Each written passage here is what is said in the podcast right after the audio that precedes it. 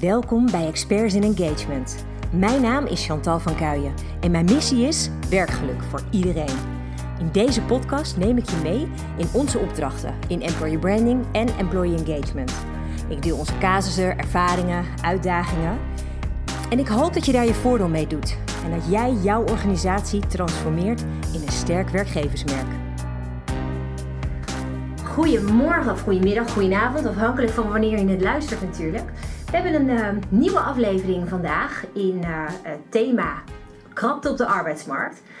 En vandaag heb ik iemand uh, aan tafel zitten die ik heel erg graag aan jullie wil voorstellen. Dat is Tamara Rood. En Tamara is, een vind ik, een hele inspirerende recruitment consultant eigenlijk. Hè, die heel veel weet over het vak recruitment. Um, en waar ik heel enthousiast van word bij Tamara is het verhaal over strategisch recruitment. Dus hoe zorg je dat je als bedrijf ook echt je recruitment tot een ongelofelijke waarde maakt om ook echt iets toe te voegen aan de doelstellingen van je organisatie. En nou ja, welkom in ieder geval in deze podcast, Tamara. Super leuk dat je er bent. Of dat ik bij jou mag komen eigenlijk. Hè. Ik zit vandaag in Zoetermeer bij jou op kantoor. Dankjewel. En uh, ja, ik wil met jou gewoon eens eventjes een beetje sparren over die arbeidsmarkt. En nou ja, waar, waar zitten we inderdaad in de krapte? Wat is, wat is jouw ervaring op dit moment? Waar loop jij tegenaan als het gaat over die krapte? Um, nou, eigenlijk uh, dat, de, um, ja, dat de mensen gewoon steeds moeilijker te vinden zijn. Ik denk dat we dat allemaal merken. Um, maar ook dat de, de, interne organisatie nog steeds onvoldoende meebeweegt. En dat maakt natuurlijk, ja, ja je hebt al krapte. En op het moment dat ook nog eens je interne organisatie, nou, die urgentie nog onvoldoende ziet om te veranderen, uh, ja, dan wordt de spagaat natuurlijk steeds groter. Ja, ja. Dus dat, dat merk ik heel erg. Um, en we zijn eigenlijk allemaal bij elkaar aan het wegkapen. Ja, dat is wel heel erg. Hè? Allemaal in dezelfde vijver vissen natuurlijk. En zit iemand op zijn plek, dan word je gewoon gesourced. Ja. Dan wordt iemand gewoon via LinkedIn benaderd. Of nou ja, via welk netwerk ook. Dat maakt volgens mij niet eens meer zoveel uit op dit moment. Maar dat is wel echt een ding inderdaad. En heb jij het idee dat uh, recruiters al voldoende, nou ja, hoe moet ik het zeggen, um, weten hoe ze hiermee om moeten gaan? Nou, aan mijn inbox te zien niet. Oké. En um, en dat is ook een stuk bewustwording, hè? want ik denk dat heel veel recruiters gewoon ontzettend hard hun best doen. Ja, absoluut. Uh, en ik heb heel veel respect voor de recruiters die het echt lukt om in deze markt nog steeds mensen aan te nemen. Ik zit met name in die IT en de techniek, dus ja. ik spreek ook met name recruiters echt wel uit die, um, uit die segmenten. Um, maar als je het echt hebt over de, de organisatie mee kunnen nemen in de verandering die gaande is. En dat betekent echt op een andere manier naar die markt kunnen kijken. Ja, dan zijn we veel te veel bezig met de dag van gisteren, waar die vacature vakant kwam. Ja. En waar we, waar, waar, we maar moeten blijven hollen om die vacature te kunnen vervullen. Ja, ja en dat, um, dat is één. En ik denk ook de mindset switch naar oké, we gaan dat schaap met die 161 poten ja, vinden. ja. We moeten echt gaan kijken naar de schaap met die drie poten en hoe we die vierde poot er zelf onder kunnen zetten. Dat vind ik wel een hele mooie, want dat valt mij ook. Ik had het toevallig deze week nog aan de hand met een van onze opdrachtgevers, die zit in de jeugdzorg. En die willen een campagne starten. En daar ging het over dat als je dus wilt werken als jeugdzorgwerker bijvoorbeeld, dan heb je een certificaat SKJ nodig. Nou, tot nu toe was dat bij hen altijd een harde eis. Daar, daar moest je hebben. Maar daarmee haal je ook meteen een hele doelgroep weg. Bijvoorbeeld heb jij maatschappelijk werk en dienstverlening uh, um, gestudeerd. Um, dan zou je in theorie wel de basis hebben voor dit vak. Maar heb je je SKJ-certificaat niet, val je af. Ja. En nu zijn zij gelukkig op het punt gekomen dat ze zeggen: ja, we gaan die mensen dat gewoon zelf laten halen bij ons. Oh, mooi. Ik denk, yes, Ja. we zijn een stap verder, want dat is mooi. Dan zie je meteen wat dat kan doen. Ja. Want nou ja, de techniek en ICT, waar jij dan voornamelijk zit, daar heb je natuurlijk niet heel veel met zijinstromers te maken. Maar misschien wel met mensen die nog net niet voldoende ervaring hebben, of die misschien ook nog ergens een certificaat kunnen behalen. Ja, ja en het is, dat is ook meteen een lastige, hè? want deze segmenten staan al jaren onder druk. En het is niet alleen nu. Het wordt alleen maar erger. Ehm, en en de, de, de rek is er ook op een gegeven moment uit. En daarmee bedoel ik op een gegeven moment. ehm, kun je niet meer alleen maar junioren aannemen of mensen aannemen die, die niet meer uh, of die nog niet passend genoeg zijn, die we passend moeten maken. Ja. Ja, en dan zeg ik altijd: oké, weet je, je kan de tijd niet terugdraaien, maar kom op, mensen, als we drie jaar geleden waren begonnen met voorsorteren, uh, dan hadden we dit probleem uh, enigszins kunnen voorkomen. Ja, eens. Um, met daarbij wel gezegd hè, dat vorig jaar is de hele markt natuurlijk gigantisch op slot gegaan ook toen zijn bedrijven compleet gestopt met werven. Ja, waarin bizar. ik alleen maar heb geroepen: jongens, alsjeblieft, Ja. ga door. Want die wereld die staat niet Dit zomaar in juist het stil. moment eigenlijk misschien wel. Dit is anticyclisch werven, weet Ja. je. Ga ermee door. Ja. Dus, eh, en daar zijn echt wel wat, waarom daar twee van mijn opdrachtgevers destijds, die echt zijn doorgegaan met werven. En dat heeft me echt heel veel moeite gekost ook om ze over te halen daarin. Ehm, maar daarin zie je wel dat hun probleem momenteel niet zo groot is als de problemen van de organisaties die toen ja. gestopt zijn. Dus zij zijn een soort van eh, voorsprong gaan halen eigenlijk. Dat is Ja. wel echt. Dat Ja. vind ik wel een supermooie, een supermooi leermoment inderdaad voor andere organisaties. Want dat is wel wat ik altijd zie, ook met employer branding bijvoorbeeld, is er crisis. Het eerste waar gewoon echt alle budgetten worden geschrapt is arbeidsmarktcommunicatie Ja, ja. en recruitment en alles wat ermee te maken heeft. Terwijl ik inderdaad denk, ja, ik weet het niet, maar jouw bedrijf moet toch wel gewoon verder zoveel mogelijk blijven draaien, hoop ik. Exact. Tenzij je echt omvalt natuurlijk. Maar, maar bijvoorbeeld zoals nu, hè, wat, wat ik dan bijvoorbeeld zie, dan wil je inderdaad veel ehm IT'ers bijvoorbeeld aannemen. Zijn er nog veel jonkies, komen net uit de collegebanken. Is er nog wel op dit moment, naar jouw idee, wel ehm, wat aan seniors die deze mensen ook op de werkvloer zelf kan begeleiden? Of zit het meer in dat ze dan echt naar een academy moeten om daar hun kennis extra op te doen? Nou, het ligt er een beetje aan, denk ik, in welke, ja, bij welke werkgevers je kijkt. Eh, bij mijn opdrachtgevers is het gewoon eigenlijk wel echt van groot belang dat ze niet ergens worden eh, extern worden opgeleid, maar dat ze echt intern goed worden opgeleid. En dan ga je toch wel op zoek naar mogelijkheden als ehm, een combinatie van inhuur en zittend personeel Oh ja. daarnaast. Ja, dat zie je Dat wel zijn- veel inderdaad. Ja, Ja. en dat zijn echt wel goede manieren hoor, om iemand snel ehm, up and running te krijgen zonder dat je je Ja. interne personeel heel erg onder druk zet. Ja, dat. Want de werkdruk ligt natuurlijk al hoog. Hè? Dus je kan ook moeilijk van je senioren vragen van... joh, ga jij even al die jonkies even begeleiden? ja. Dat vraagt natuurlijk best wel heel veel. Maar aan de andere kant wil je wel als organisatie investeren in de mensen. Want je kan ze wel blijven werven. Maar als je ze intern niet goed oppakt, zijn ze ook zo weer weg. Ja, ja, ja, zeker. Nou ja, en dat is, kijk, daar schreef ik volgens mij vorige week eh, een stukje over ook. Ehm, kijk, het punt is op het moment dat je niet zorgvuldig omgaat met je interne medewerkers, ja, dan kun je, de, kun je aan de voorkant keihard je best doen natuurlijk. Maar ja, op het moment dat je niet bezig bent met je retentie en ze lopen Ja. aan de achterkant weer weg. En dat gebeurt nu echt. gebeurt want mensen veel. voelen zich gewoon op dit moment. Nou, hè, eh, hoef ik misschien niks over te vertellen over de wereld waarin we op dit moment leven. Eh, mensen hebben het lastig. En Ja. mensen willen gezien en gehoord worden op dit moment. Absoluut, ja. Dus daar moet je aandacht aan schenken. Ehm, en mensen zijn op zoek naar zingeving. Ja, Eh, denk ik ook, ook voor een heel groot gedeelte. En op het moment dat je daar geen aandacht aan geeft, dan gaan ze weg. Dus ehm, eigenlijk hoort dat wat mij betreft allemaal bij elkaar. Laten we kijken naar wat hebben we intern zitten aan personeel. En hoe kunnen we hen zo goed mogelijk begeleiden, inzetten. Ehm, het werk misschien op een andere manier indelen, zodat Ja. ook zij blij blijven. En eh, het werk ook op de juiste manier gedaan wordt. Maar ook wat is er dan aan de voorkant eh, nog nodig? Wat moeten we nog werven eigenlijk? En dan kom je Ja. eigenlijk bij dat grote Ja. plaatje uit, hè, wat op elkaar zou moeten passen. En dat vind ik wel mooi, want ik, ik haak eerst even aan op wat je net zei over het zinvol werken. En wat voor mij daarin heel belangrijk is, en wat ik heel vaak echt zie ontbreken. Ik, dat merk ik bijvoorbeeld door vacatureteksten die ik voor mijn neus krijg. Ehm, dan is er nergens te vinden waar je eigenlijk aan bijdraagt. Ja, Er staat wel heel veel puur feitelijk, wat ga je doen? Maar niet, maar wat is dan uiteindelijk het resultaat waar jij dan iets moois voor hebt gedaan?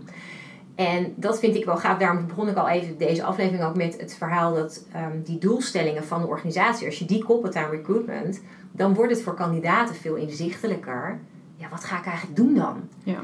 Weet je, dus als, als een bepaald bedrijf, stel je voor je hebt een IT-bedrijf en die doen ehm, bijvoorbeeld hele belangrijke zaken in de zorg. Ik noem maar wat. Die ondersteunen bijvoorbeeld dat mensen in de zorg zo efficiënt mogelijk kunnen werken, om maar een voorbeeld te noemen. En dat kun je goed vertalen naar die verschillende IT'ers die jij nodig hebt. dan heb je eigenlijk dat, dat hoekje met, met zinvol werk heb je eigenlijk al meteen beantwoord. Ja. Dus dat vind ik wel een hele mooie. Dus dat zeg meteen dan nu voor recruiters die luisteren. Probeer gewoon in je vacature inderdaad ook te kijken naar, maar hey, oké, dit is feitelijk ehm, eh, het, verhaal wat je aan het doen bent. Ben je bijvoorbeeld data scientist? Ja, welke data ben jij dan eigenlijk aan het beschermen? Waar, en, en wat doet dat dan? Doet dat iets voor de klant? Doet dat iets voor het bedrijf? En wat dan? Wat is daar de meerwaarde van? Probeer daar ook eens met een facturenhouder, denk ik, verder over te praten. Wat is nou precies de impact? Wat komt iemand doen? Welk probleem komt iemand oplossen? En wie wordt daarmee geholpen? Wat doet dat voor die personen? Ik denk dat dat wel heel mooi is om daar dan iets meer over te zeggen. En daarbij, want dat is het volgende haakje waar je het over had, en dat vind ik ook wel een hele belangrijke. We hadden het er net al even over voordat we de aflevering begonnen. Ehm, je kunt wel steeds uh, als een soort kat in het nauw gaan springen op het moment dat er een vacature opkomt. Maar je zou ook eens vooruit kunnen kijken. Wat hebben wij op de langere termijn nodig? Uh, dus als je bijvoorbeeld weet dat uh, er een bepaalde wijziging in het bedrijf aankomt, van hé, hey, daar hebben we misschien net andere mensen voor nodig. Of je weet dat binnenkort mensen met pensioen gaan wellicht. Of er komt een nieuw product wat je gaat regelen. Het maakt eigenlijk niet zo heel veel uit wat het is. Maar dat je gewoon in ieder geval, al was het maar voor alleen 2022. Dat je gewoon eens in kaart hebt, um, wat gaan we nou doen? En in de grote recruitment organisaties snappen ze dat wel zijn ze daar wel mee bezig en uh, is er heel erg een overzicht van ja, wat, wat hebben we nou nodig. Maar in zeker naar wat kleinere organisaties is dat denk ik heel lastig. Heb jij vooral grotere opdrachtgevers of zitten daar ook de kleintjes tussen? Ja, nou, uh, beide. Uh, en ik vind het ook belangrijk om de schakel te zijn tussen die beide. Want ze kunnen ontzettend veel van elkaar Oh, leren. ja. Dus ik vind dat heel tof om die Ja. verbinding daarin te creëren. Dat is mooi. Ehm, maar wat, ik merk eigenlijk bij beide nog onvoldoende focus daarin. En ehm, eh, precies wat je zegt, hè, je hebt een bedrijfsstrategie. Ehm, die kun je vertalen naar een recruitmentstrategie. Er zitten een aantal stappen tussen, maar Ja. je wil met je bedrijf ergens heen. En daar heb je het belangrijkste om die resultaten te, beha- te behalen, zijn mensen. En welke Ja. mensen heb je daarvoor nodig, met welke Ja. competenties en wanneer. Dat is gewoon een plan dat je, nou niet gewoon, want dat is hartstikke lastig, maar dat is een plan dat je uit kunt schrijven. En ehm, het verbaast mij nog steeds echt dat recruitment nog niet aan de directietafel zit. Dat Ja, recruitment nog niet ook. bij het opstellen van de bedrijfsstrategie betrokken wordt. Ja. eh, waarin getoetst wordt van, hé, hey, luister, als we deze resultaten willen behalen, is het überhaupt haalbaar binnen ja, drie is het jaar? realistisch? Kunnen we die mensen Ja. vinden? Wat is er voor Ja. nodig? Welke investering moeten we hiervoor doen? Ja, eens. En ehm, zolang dat niet gebeurt, blijf je achter de feiten aanhollen. Want, ehm, en dit is, ik zit 12 jaar in dit vak en dit is al 12 jaar hetzelfde verhaal. Ehm, en hoogconjunctuur, laagconjunctuur. Op het Ja. moment dat we eh, weer overschot hebben op de arbeidsmarkt, doen we helemaal niks. Gaan we achteroverleunen en zijn we als werkgever zo blij dat die, eh, dat die mailbox overstroomt. ja. Op het moment dat eh, er krapte is op de markt, en dat gaat, nou, denk ik, komende tijd wel blijven. ehm, ja, dan, dan pompen we vol in het recruitmentapparaat aan de voorkant. En dat her- herhaalt zich al twaalf jaar eigenlijk. Continu, dat ik hè? denk, jongens, Ja, wat leren we nou van het verleden? ja. Dat we moeten stoppen met wat we deden. Want dan krijgen we wat we altijd kregen. Maar dat leren we Heel- blijkbaar dat vind ik een hele mooie inderdaad. Als je blijft doen wat je altijd deed, moet je niet verwachten dat je andere uitkomsten creëert. Exact. Helemaal eens. Dat Ja. vind ik een hele mooie. Dat vind ik wel een goede voor vandaag inderdaad. Nee, ik vind het wel een eh, mooie. Want wat ik bijvoorbeeld heel vaak nog steeds zie, is dat ehm, directie, management, vacaturehouders nog steeds bijvoorbeeld met een wensenlijstje komen van minimaal 10, 15 bullets aan functie-eisen bijvoorbeeld. Terwijl als je de kennis van de recruiter over de arbeidsmarkt zou betrekken, dan zou je weten dat je misschien met maximaal 5 bullets met geluk eventueel nog iemand kan werven. Maar dat het gewoon niet realistisch is om veel meer te gaan vragen. Want je kan tegenwoordig ook al blij zijn als iemand überhaupt een bepaalde opleiding heeft afgerond. Ja. Als jij dan ook nog wil dat iemand 10 jaar ervaring meebrengt en allerlei specifieke systemen al heeft gehad qua ervaring. Of eh, nou ja, weet ik veel wat voor specifieke werkervaring er tegenwoordig nog steeds gevraagd wordt. Ja, ik heb echt wekelijks dat eh, organisaties bij mij komen met vacatures. Ja, die die staat al vier, vijf maanden online en er komt niemand op. En dan lees ik die tekst en denk ik, ja, de. Ik ben daar niet verbaasd over als ik zie ehm, hoe het nog steeds vanuit de werkgever allemaal geformuleerd wordt ook. Er wordt eigenlijk helemaal niet gekeken naar het standpunt van de kandidaat. Nee. Dus, en dat vind ik in een krapte in de arbeidsmarkt, ehm, wat ik heel jammer vind, want je zegt nou, net 12 jaar in het vak. 12 jaar geleden was dat zo, dus nog steeds zo, is dat bedrijven vaker vanuit gaan, nou die kandidaat die mag eens zijn handjes knijpen, Ja. dat hij bij Ja. ons mag werken. ja. Maar de realiteit is natuurlijk al lang niet meer zo. Nee, kijk, en hier komt heel erg die recruiter om de hoek. Hè? Want Ja, stakeholder management was altijd al belangrijk. Het wordt alleen maar belangrijker. En die recruiter die moet echt, nou, ten eerste eigenlijk vind ik die informatie vanuit de markt naar de vacaturehouder brengen. Dus weet je, tip voor de recruiter, spreek met je vakgenoten. Eh, verdiep je in de markt, verdiep je in jouw ideale kandidaat, kijk Ja. wat er speelt en breng het alsjeblieft terug naar je vacaturehouder. Ook ongevraagd, dus niet alleen op het moment dat hij een vacature heeft, maar ook op het moment dat hij dat niet heeft. En blijf eigenlijk echt continu met hem in gesprek. ja zodat je ook op tijd er, ergens op in kan spelen. Nou, Als je weet dat er iets dat. speelt, dat je iets kan adviseren over van, hé hey joh, ik zie dit in je team. Kan het zijn dat je over een maand of twee maanden vacature verwacht, Ja, bijvoorbeeld? nou precies dat. En dat is, eh, dat is het, het, eigenlijk het ene stukje. En het tweede stukje is. eh, durf ook gewoon terug te duwen. Durf, En dat vinden recruiters ontzettend moeilijk, omdat Ja. er een soort van machtsverhouding in zit. En ik snap hem, want ik, dat voel ik ook echt wel eens. Maar ehm, je moet je eigenlijk afvragen: wat is uiteindelijk het gewenste resultaat? En als het gewenste resultaat is, is om die vacature te vervullen, dan zou je hem terug kunnen rekenen naar hoe, ja, hoe ga ik dat zo snel mogelijk doen. En dat is niet om alle eisen van de vacaturehouder aan te houden. Nee, En niet, niet de vacaturehouder pleasen daarin. Maar gewoon echt een standpunt durven innemen vanuit je expertise. Want jij, hebt degene, jij bent degene met verstand van de arbeidsmarkt als het goed is. Ja, En heb je dat niet, ga het dan regelen. Ga je inlezen. Ga cijfers checken online. Hoeveel mensen afstuderen in een bepaald vak. Zodat je, of wat ik wel eens doe, is gewoon simpelweg op LinkedIn. Even kijken op een bepaalde functietitel. En dan even kijken in een bepaalde regio. Oké, hoeveel mensen staan er geregistreerd op LinkedIn in deze functietitel? Ouch, zijn dat er maar zo weinig? Nou, dan heb je alweer input om mee naar een vacaturehouder te gaan. ja, Het hoeft Ja. niet heel ingewikkeld te zijn. Ja. Maar, dus- dus ik denk wel dat je als recruiter ehm, stevig in je schoenen moet staan. Maar dat je dus wel moet zorgen dat je dan ook de juiste data hebt. En dat is altijd een beetje spannend, hè? Want eh, dat vinden veel recruiters als het gaat over, over data.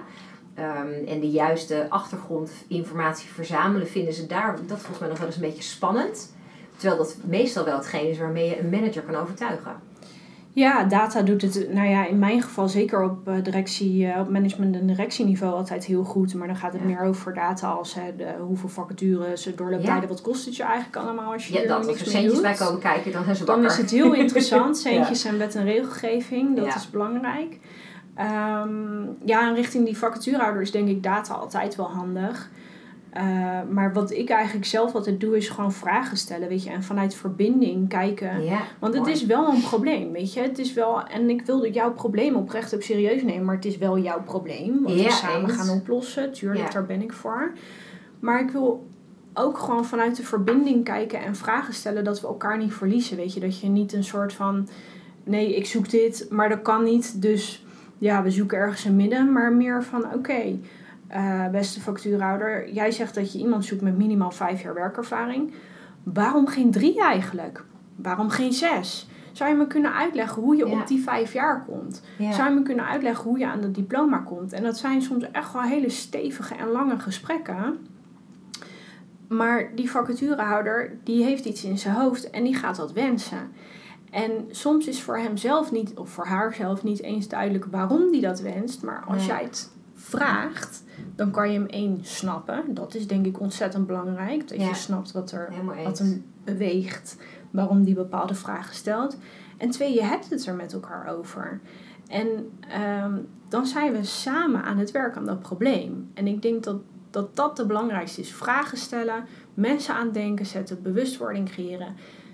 En dat is de taak van de recruiter, recruiter Ja. wat mij betreft. En niet, ik krijg een opdracht, ik ga ermee aan de Nee, slag. dat is het. Dus het is niet zo, we gooien het over de schutting en hey recruiter, regel het maar. Maar het is meer partnership Ja, zeker. eigenlijk. Dus dat het echt een meer gelijkwaardige samenwerking wordt. En ik denk dat het goed is dat vacaturehouders zich dan ook realiseren. Dat ze daarmee veel meer waarde uit de, uit de recruiter halen. Dan dat ze alleen maar een opdracht over een schutting gooien.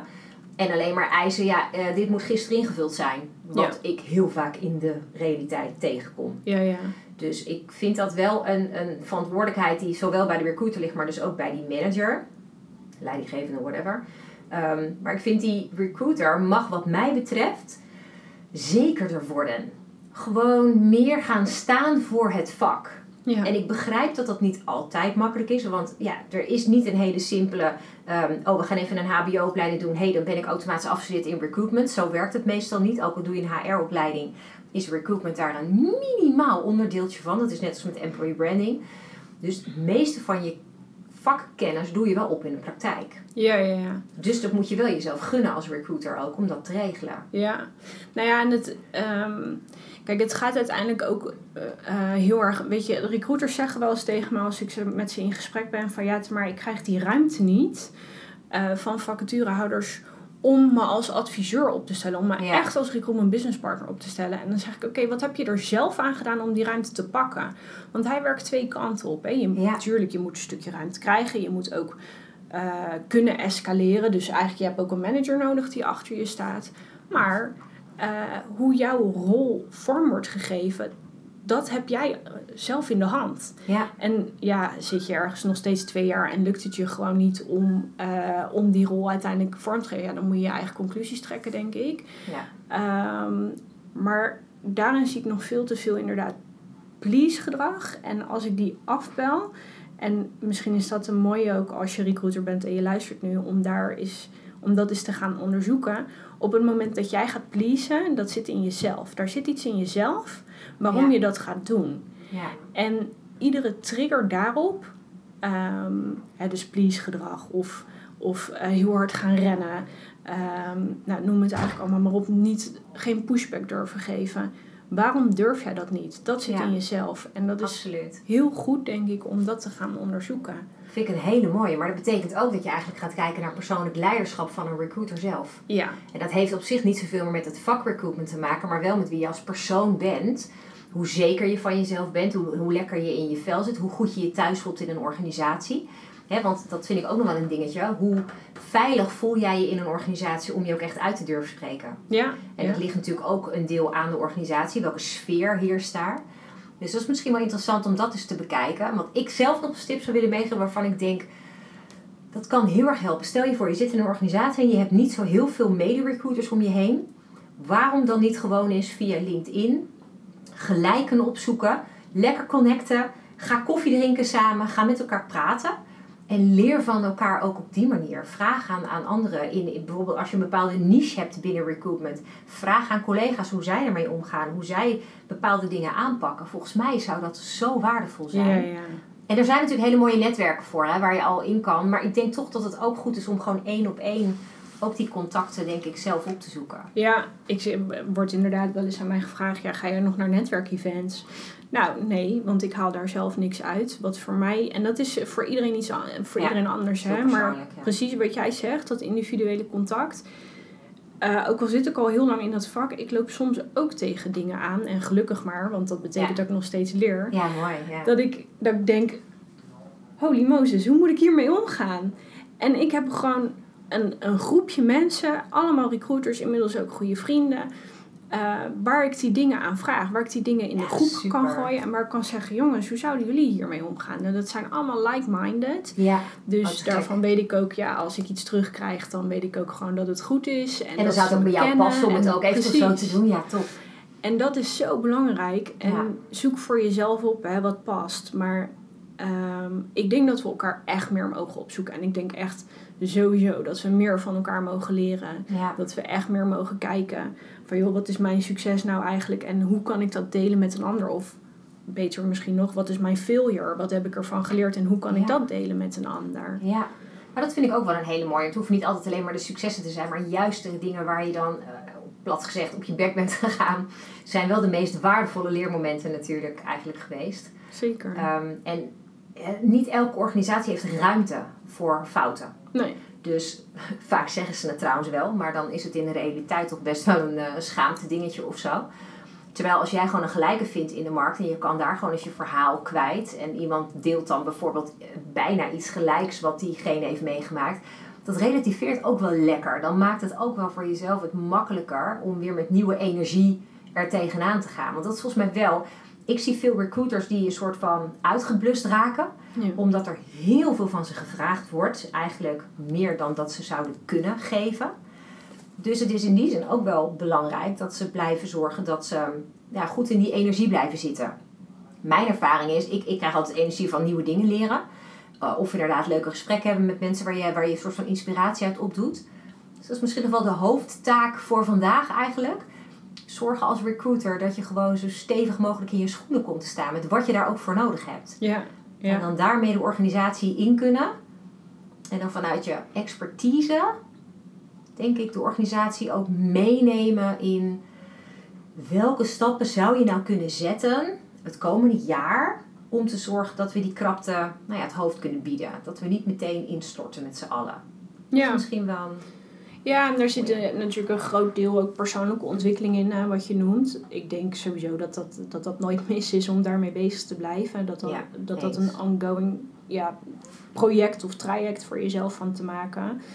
Ehm, maar ook voor jezelf te bedenken, goh, wat heb ik nou echt nodig in mijn werk om succesvol te kunnen zijn? En durf het ook te vragen aan je manager. Durf het ook te vragen aan je vacaturehouders. En blijf Ja. wel in contact daarover. Ja, dat. Ja. Want dat, dat zie ik ook wel veel gebeuren in de operatie. Dat recruiters inderdaad dan heel hard aan de slag gaan.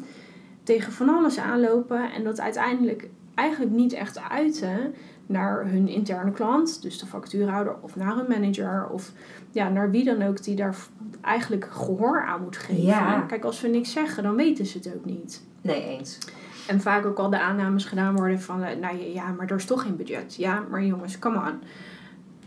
Dan moet je of weggaan, eh, of je Ja. moet er heel hard je best voor gaan doen om dat wel te verkrijgen. En zoek zoveel mogelijk informatie, mensen die je kunnen helpen of wat dan ook. Om Ja, toch te kijken hoe je eh, dat budget wel kunt krijgen om je resultaten te kunnen behalen. Of desnoods, al is er echt geen budget, dat je dus weer met die gelijke in gesprek gaat om creatieve ideeën op te doen hoe je met heel weinig budget toch iets voor elkaar kan krijgen. Dat je desnoods als recruiter actief zelf de arbeidsmarkt opgaat. Bijvoorbeeld door via LinkedIn contact te leggen met bepaalde potentiële kandidaten. Ik bedoel, volgens mij, ik geloof bijna nooit dat dingen echt niet mogelijk zijn. Het gaat er alleen om hoeveel ruimte pak je om dingen ja, op van een andere kant te bekijken. En dan Ja. te kijken wat er eventueel wel mogelijk zou zijn.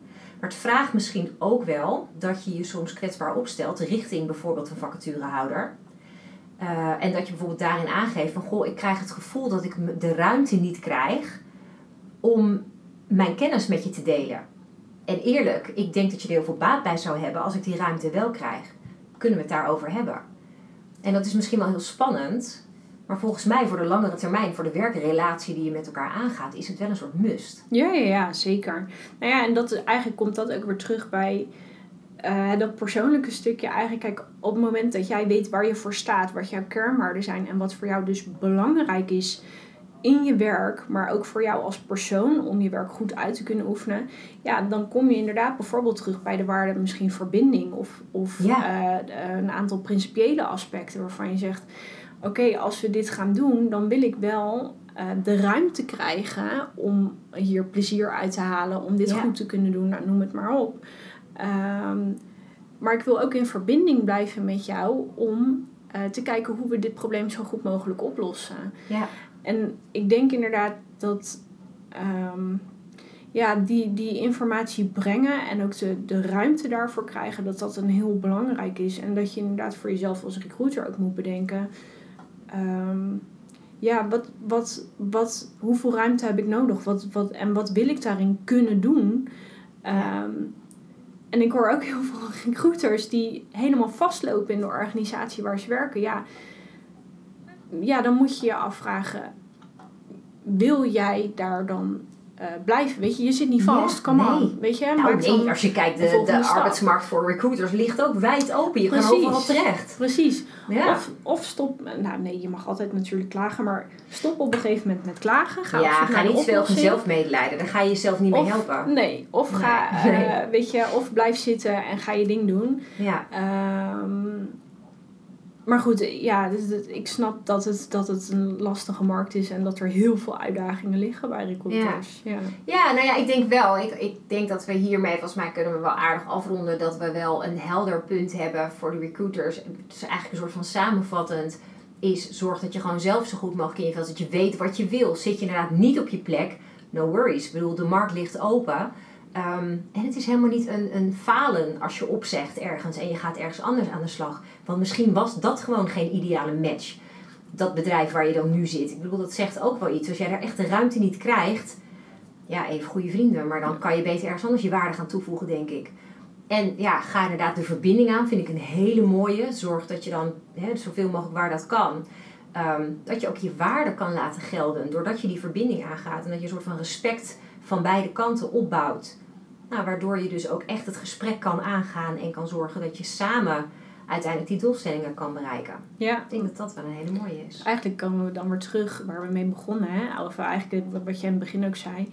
Welke impact maak je? Nou, die kan je als recruiter ook stellen. Ja, Uh, en die kan je inderdaad aan je facturenhouder stellen. Die vraag, welke impact maakt deze nieuwe collega? Maar stel hem ook voor jezelf. Welke Ja. impact wil ik maken? En toets hem aan je huidige situatie. Welke impact maak ik? En wat is het gat wat daar nog tussen zit? Zit Heel er geen mooi. gat tussen? Ben je echt super goed bezig? ja. Zit er wel een gat tussen? Kun je kijken wat je daarmee kunt doen? Dan heb je nog wat te doen. Ja, Sowieso. exact. Ja, dat vind ik wel een hele mooie. Ja, dat vind ik wel een hele mooie om af te sluiten. Dus ik hoop eigenlijk dat als je inderdaad nu luistert, dat je dan denkt... Oh ja, nou daar heb ik wel een paar puntjes uitgehaald. Ik ga me eens eventjes ehm, verder oriënteren. Wat dan misschien ook leuk is, is als je bijvoorbeeld via LinkedIn... Check gewoon Tamara Rood. eh, en kijk of je met haar kan connecten. Altijd Ehm, leuk. Ja, en volg dan inderdaad ook wat jij te delen hebt. Want als ik dat zie wekelijks in alle informatie die ik voorbij zie komen, daar zitten altijd wel interessante vraagstukken tussen waarvan je denkt, ha, oh ja, zo had ik het nog niet bekeken bijvoorbeeld. Je kan er altijd wel iets uithalen waarvan je denkt, hé, hey, dat is handig. Dus als je heel laagdrempelig wil beginnen, that's the way. En dan, ehm, ja, super bedankt Tamara dat jij hier aan mee wilde werken. Daar ben ik echt heel erg Ja. blij mee.